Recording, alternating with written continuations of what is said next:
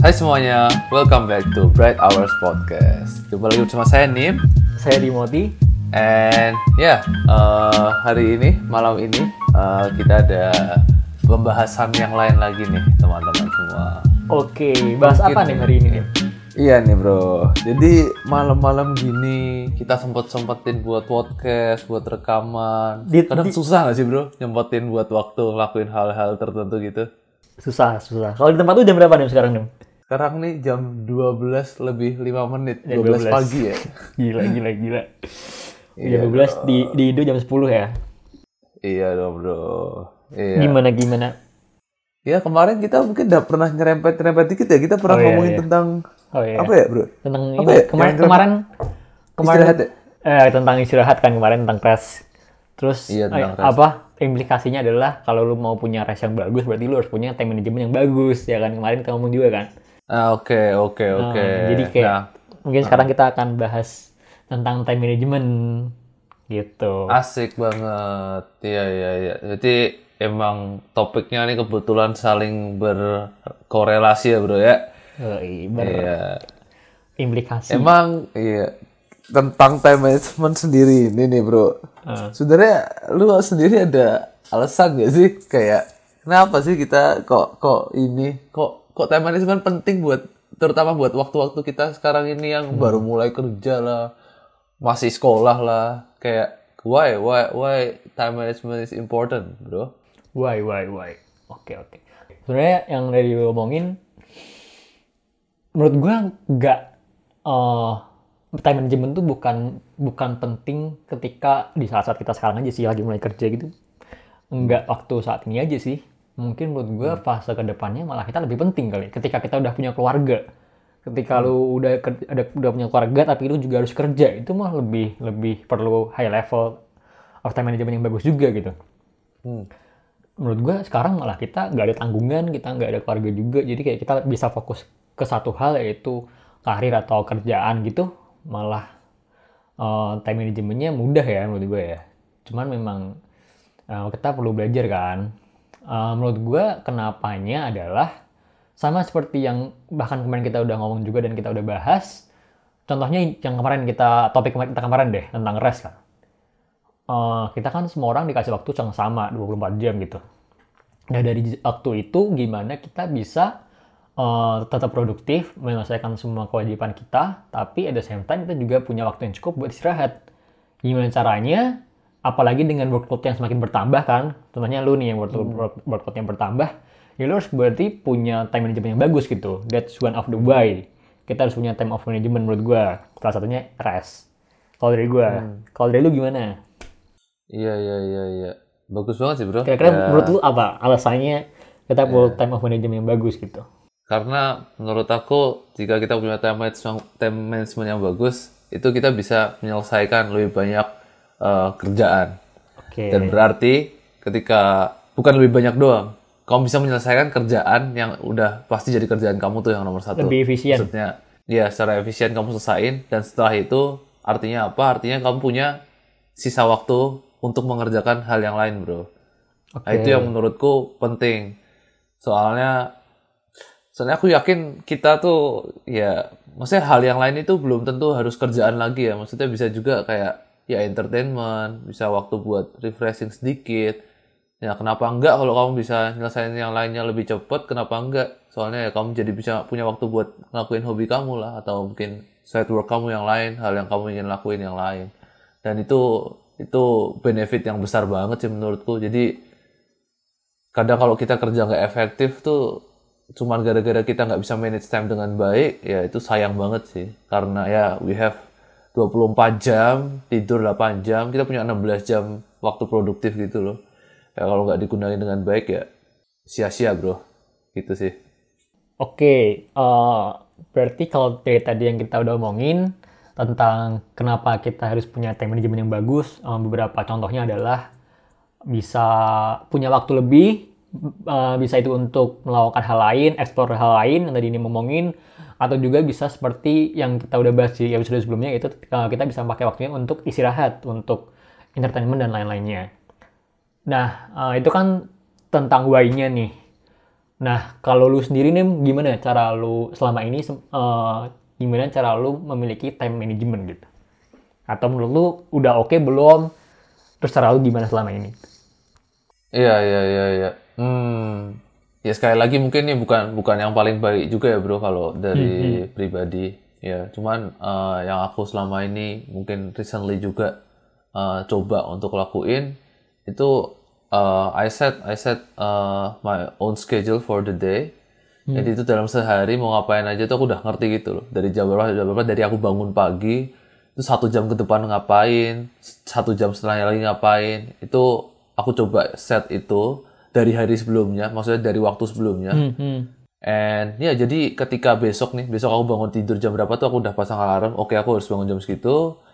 Terus misal bangun tidur ya udah berarti olahraga olahraga. Saya itu pulang hmm. rumah masak masak, makan makan, belajar belajar, baca buku baca buku, kerja kerja. Jadi uh, yang aku coba lakuin sih, aku coba uh, tancepin uh, tanam tanam uh, jadwal aku sehari itu tuh di otak dulu gitu loh. Hmm, hmm, hmm. Jadi bukan di otak doang, maksudnya kita tulis, kamu bikin notes juga, digital juga bisa kan, pakai application juga bisa kan. Hmm. And kamu try to ya stick to that schedule uh, sebisa mungkin karena di schedule itu ya udah aku jadwalin nanti ada jadwal istirahatnya sendiri ada jadwal tidur bahkan tidur siang gitu nah jadi paling enggak ketika kamu ngelakuin itu buat diri kamu sih jadi jadi tahu gitu loh goal goal kamu untuk hari itu mau lakuin apa aja. Itu makanya mungkin satu yang paling yang penting set set dulu gitu loh goal kamu untuk hari itu apa task kamu yang harus diselesain apa aja dan bikin tulis di kertas catat di HP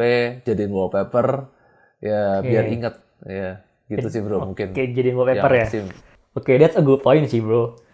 Nah mungkin uh, gue setuju banget sama lu juga gimana caranya uh, kita ngeplan dulu kayak di otak kita gitu kita bisa mau ngapain aja gitu. Terus bahkan direalisasiin lu tulis di notes lu masukin di wallpaper dan lain-lainnya itu bagus banget menurut gue nah mungkin uh, challenge-nya adalah ketika lu udah ngeplan itu di otak lu lu udah punya gambarannya mau ngapain aja udah punya tulisannya segala gimana cara lu stick to that plan gitu. Misalkan anggapannya kayak lu jadwalin istirahat cuma misalkan satu jam. Tapi gimana cara lu supaya stick sama plan itu gitu? Di hari itu hari lu itu bisa sesuai dengan apa yang lu rencanain sebelumnya. Misalkan kayak oh kita uh, rencanain sebelumnya jam 8 udah mulai kerja. Nah gimana supaya bisa bener-bener plan lu itu terrealisasi supaya dan time management lu bisa bagus gitu? Karena gue sendiri ya uh, jujur aja gue udah ngeplan itu juga melakukan hal itu cuman sering kali di hari hanya itu nggak terrealisasikan dengan apa yang gue expect sebelumnya gitu loh. Gitu sih kalau dari nah kalau dari lu bisa sharing nggak kira-kira tips apa aja yang bisa lu kasih biar kita bisa stick sama plan yang udah kita bikin? Iya ini mungkin uh, mungkin agak agak bukan tips kali ya mungkin susah kali ya bro kalau ngasih tips ya. Terus Oke, okay, apa karena... yang apa yang lu lakuin aja coba ya kan? Hmm. karena gue gue kan kondisi uh, jadwal kerja gue juga berubah-berubah kan. Eh, nggak uh, ada jadwal yang lek gitu. Hmm. jadi itu menurut gue juga challenge juga sih buat gue uh, nah, uh, gitu. Hmm. eh, tapi misal jadwal kamu berubah maksudnya uh, itu nggak apa-apa loh. Maksudnya tiap hari hmm. kamu untuk besok jadwalnya boleh bisa ganti kan misalkan gini misalkan misalkan uh, ada kejadian misalkan besok gue mau meeting ke kantor A nih. Gue harusnya kayak berarti kan gue pergi ke Jakarta kan kantor gitu kan katakan jam 1 nih. Jadi gue udah persiapan, atau kan jam 10, biasanya gue jam 10 tuh. Gue udah persiapan tuh pagi, berarti oke okay, gue schedulein bangun jam segini, gue ke olahraga jam segini, berarti gue masak jam segini, berarti gue kira udah meeting jam segitu lah. Tiba-tiba bisa aja dimundurin jam 1. Dipospon jam 1, habis itu jam 1 itu nggak jadi, di cancel. Ganti besoknya bisa juga gitu. Kadang kayak gitu-gitu tuh yang buat gue, itu jadi challenge tersendiri gitu tapi itu kan emang apa situasional yang buat gue. Jadi tiap orang beda-beda kan. Nah kalau dari iya. dari dari lu gimana? Iya kalau yang dari kamu sebutin sih maksudnya uh, yaitu time managementnya ya maksudnya time management skill sendiri itu kan nggak bukannya untuk time management buat hari selanjutnya doang ya bro ya? Hmm. itu gimana kamu ngelakuin? Yang paling penting kan yang yang lagi present sekarang ini kamu menggunakan waktu kamu sebaik apa sebenarnya seefektif mungkin sebenarnya tentang itu kan. That's why sebenarnya yang aku bilang tadi untuk plan ahead hari sebelumnya lah, untuk uh, organize time kamu nyoba atur waktunya biar hari selanjutnya tuh kamu enak jadwalnya ada waktu buat istirahat. Itu kan cuma satu cara ya. Sebenarnya lebih penting lagi ya waktu hari itu sendiri kamu lakuin apa enggak dan itu Oke. gimana caranya ya? Ya ya itu kesadaran sih bro. Aku kalau boleh ngomong itu kesadaran diri sih. Kamu mau mau hidup teratur nggak kamu mau kamu mau nanti malam tidur tepat waktu nggak misal gitu kan. Kamu mau selesaiin tugas kamu hari ini nggak ya kalau selama kita masih nggak sadar dan urgensi dari task kita itu loh bro Oke. kalau emang kamu nggak prioritas itu paling atas ya menurutku mau sampai kapan juga ya maaf aja nggak bakal bisa juga mau mau pasang mau bikin jadwal buat setahun ke depan ya juga ya ya siapa yang bisa ngelakuin kalau kamu nggak ngerasa itu penting kan Siap, siap, siap, siap. iya kadang iya kadang yang kamu bilang tadi ada ada tiba-tiba ada Oke. ada sesuatu yang berubah gitu Ah. Nah, kalau itu urgent kalau itu emang prioritas kamu ya kamu bakal tetap spend uh, make time buat itu kan Oh, enggak, dan shift yang lainnya gitu kan Oh iya, oh iya. Sebenarnya ini emang out of context sih. Cuman maksudnya yang cancel itu pihak sananya. Gue nggak ada kontrol buat cancel ngerti nggak? Ya, but sekarang kamu punya kontrol buat uh, yang harus kamu kerjain yang nantinya dipindah sekarang lah. Iya, iya, iya. Paling Mundur. itu sih. Jadi gue kayak punya beberapa list apa yang gue lakuin. Jadi kalau itu di cancel, gue majuin, mundurin gitu sih. Oke bro, selanjutnya nih. eh tadi kan lu udah ngomong nih tentang importance sama importance sama priority ya. Priority ya. Nah, lu ada tools yang lu pakai nggak sih atau eh, boleh jelasin dikit nggak gimana lu me- menyusun list of priority lu gitu? Apa yang eh, mana yang harus lu kerjain duluan, mana yang lu anggap penting gitu? Iya bro. Eh, ini mungkin aku juga nggak nggak udah nggak nggak master buat put this into practice ya. Cuman ya ini aku tahu ada yang istilahnya ini eh, the Eisenhower matrix bro ya. Anjay, Jadi gimana gimana tuh? uh-uh, teori ini si matrix ini tuh uh, dia membagi uh, dua dua Dua variabel. aspek, yaitu Iya. dua variabel yaitu Dua- dua aspek, urgency iya. dan important ya. Oke. Jadi seberapa seberapa urgent dan seberapa penting suatu task, suatu kerjaan, suatu Hmm. hal yang kamu pingin susun prioritasnya ini. Hmm, hmm. And iya, jadi ada urgent dan not urgent, terus mungkin di bagian eh, barisnya itu ada important sama not important. Itu Jadi ada empat kotak ya. Nah itu bedanya apa tuh? Important sama urgent. Karena kan banyak orang yang anggap kayak, oh ya udah berarti pen- eh, hal yang penting, hal yang harus gue lakukan cepatnya juga, urgent juga gitu. Nah gitu. Iya ya, jadi kayak kayak namanya sendiri sih important dan penting. Penting tuh yang sebenarnya halnya itu sebenarnya matter buat kamu dan maksudnya ya itu penting buat hidup kamu lah. Hmm. Sementara yang bentar ya, mungkin example-nya nanti ya. Urgent itu ya eh, lebih ke waktu kan. Ya. Eh, Ada time maksudnya constant. emang harus kamu selesain dalam sejam ke depan, sehari ke depan, seminggu ke depan. Maksudnya ya itu urgent gitu. Hmm. Mungkin ya hal import, maksudnya hmm, apa ya important buat kamu tapi nggak urgent gitu ada contoh nggak bro ya? Bentar, aku Important buat gak urgent, susah. mungkin mungkin kayak gini. Mungkin important tapi gak urgent kan. Berarti contohnya adalah kegiatan kita buat planning. Oh mungkin aja sekarang kan lagi marak tentang financial, planning tentang financial financial kita gitu. Itu kan penting kan buat kita.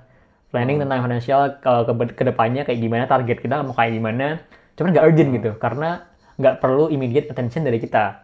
Tapi important buat Iya. kita. Jadi kayak itu nggak harus cepatnya dilakuin, cuman penting buat dilakuin gitu. Cuman nggak harus cepatnya.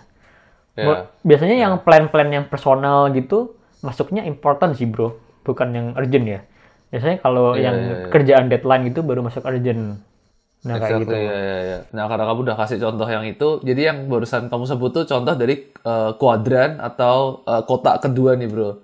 Jadi itu not urgent but important. Oke berarti Jadi untuk itu kita harus plan, ya benar. Oke, berarti kan ada ada empat nih. Buat buat lebih Iya. jelas lagi, kita gambarin aja ada empat ada empat jenis eh matrix, ada empat jenis prinsip. Yang pertama important and urgent. Yang kedua important tapi not urgent. Yang ketiga important tapi urgent. Yang keempat nggak dua-duanya ya. Nah, berarti tadi yang plan yang mana nih? Yang plan itu yang kedua. Berarti apa tuh? Yang important tapi nggak urgent ya? Itu di planning berarti Important ya. tapi gak urgent. Ya, jadi Kalau- mungkin ya benar. Kalau yang nggak important tapi urgent, Yang gak important tapi urgent, nah itu aku juga kurang tahu sih, bro, contohnya, bro. bentar, bentar. Nggak Important, important tapi urgent ya. Oke, mungkin yang yang kuadran tiga nih agak susah bro, yang urgent but not important. Tapi yang mungkin aku pikir barusan sih, mungkin contoh aja nih ya. hmm, hmm. Eh, ada orang, dia businessman, dia eh, sibuk nih seharian kan. Hmm. Terus eh eh, tiba-tiba mungkin yang kayak kamu cerita tadi sih, tiba-tiba mungkin schedule-nya dia ganti, and dia jadi nggak bisa jemput anaknya selesai pulang sekolah gitu, anaknya telepon dia gitu. Anaknya anaknya mau udah SMA gini sebenarnya. Sebenarnya juga maksudnya cara pulangnya nggak nggak cuman cuman bisa dijemput oleh papahnya doang. Jadi ketika anaknya minta tolong, ini urgent kan, maksudnya harus dijemput gitu. But mungkin untuk schedule dia sehari itu dia punya hal-hal lain yang emang lebih important masalah bisnisnya lah atau yang lain. Bukan berarti dia nggak peduli sama anaknya. Ini ini beda konteks ya. Hmm. Tapi ya itu mungkin contoh. Jadi si ayah ini ya dia bisa delegate Hmm. eh, task ini untuk jemput anaknya ke siapa? Ke ke istrinya atau ke supirnya kayak ke teman anaknya lah. Maksudnya ya kayak gitulah mungkin ya buat yang kuadran tiga ini, Bro. Oke oke, bener sih. Mungkin kuncinya di sini delegate mungkin ya. Nanti yang pertama mungkin kita belum kasih contoh kali ya, tapi mungkin gampang ya, important dan urgent apa nih bro? Kasih name, kasih name. eh tiba-tiba istri kamu melahirkan gitu. Ini apa itu sih, kan. Iya. Important and urgent kan, harus dilakuin dong. Nggak mungkin nggak dong. Itu kamu jadi suaminya kerja berhenti nggak tuh? Berhenti kan? Berhenti. Langsung ke rumah sakit kan? Nah iya. Ini Ah. sih menurutku tuh contoh real sih. Iya. eh bisa, bisa, bisa, bisa. Cuman nggak bisa atau dong. kasih contoh yang terakhir nih? Hah? Eh, kalau gitu pasti semua orang nggak perlu matrix-matrixan, nggak perlu lu lihat skala important urgentnya pasti dateng nggak sih melahirkan bro. Lah, lah iya. Lah iya. Lah Kalau iya, kalau iya. kalau kamu itu ada meeting sama bos gimana? Tetap itu prioritization kan? Hmm. Iyalah, ya nggak bisa lah ngomong gitu. Semua semua semua bisa diprioritasin kan? Ya mungkin itu eh, aktivitas yang ya yang nggak terduga kan gitu. Mungkin kalau contohnya yang eh ke tas kita sehari-hari, contohnya ya kalau kita lagi kuliah, menurut gue tugas merupakan sesuatu yang masuk sekali ini sih tugas kuliah nih. Oke. Hmm. eh, tugas kuliah buat eh, nilai akhir, tugas akhir gitu. Berarti kan important dan urgent. Di sini key takeaways-nya adalah ketika ada eh, to-do list di di bagian ini nih di matrix yang nomor satu important dan urgent lu nggak bisa menunda-nunda, lu nggak bisa procrastinate karena itu harus dilakuin. Jadi kan urgent dan important, jadi lu harus lakuin, lu nggak bisa delegate dan lu harus lakuin itu sendiri gitu kan Oke. Itu sih bro mungkin eh, contohnya. Oke dan eh, mungkin kita harap kita sendiri juga ikut belajar dari matrix ini. Kita bisa ini kali ya pilah-pilah mana hal yang oh kalau yang terakhir not important and not urgent. Banyak lah ya. Contohnya adalah salah, satunya sosial media. sosial media Ya aku nggak ngasih contoh deh ya. Ini terlalu banyak. Ya. Ya, dari sini kita bisa pilah-pilah mana aktivitas yang kita pingin lakuin bahkan kita pengen lakuin kita harus lakuin. Kita mulai pilah-pilah mana yang important mana yang urgent mana yang dua-duanya. Nah kita bisa naik-naikin tuh berarti yang nomor satu kita naik-naikin ke top priority yang kita harus lakuin di hari itu gitu. Terus juga ya itu sama yang kemarin berhubungan juga ya kita harus punya waktu juga buat rest ya. Mm-mm. gitu aja sih. Oke oke bro. deh, mungkin sampai di sini dulu bro episode kita malam ini. Oke, Terima bro. kasih semuanya. oke thank you guys for listening see you on the next episode Goodbye. bye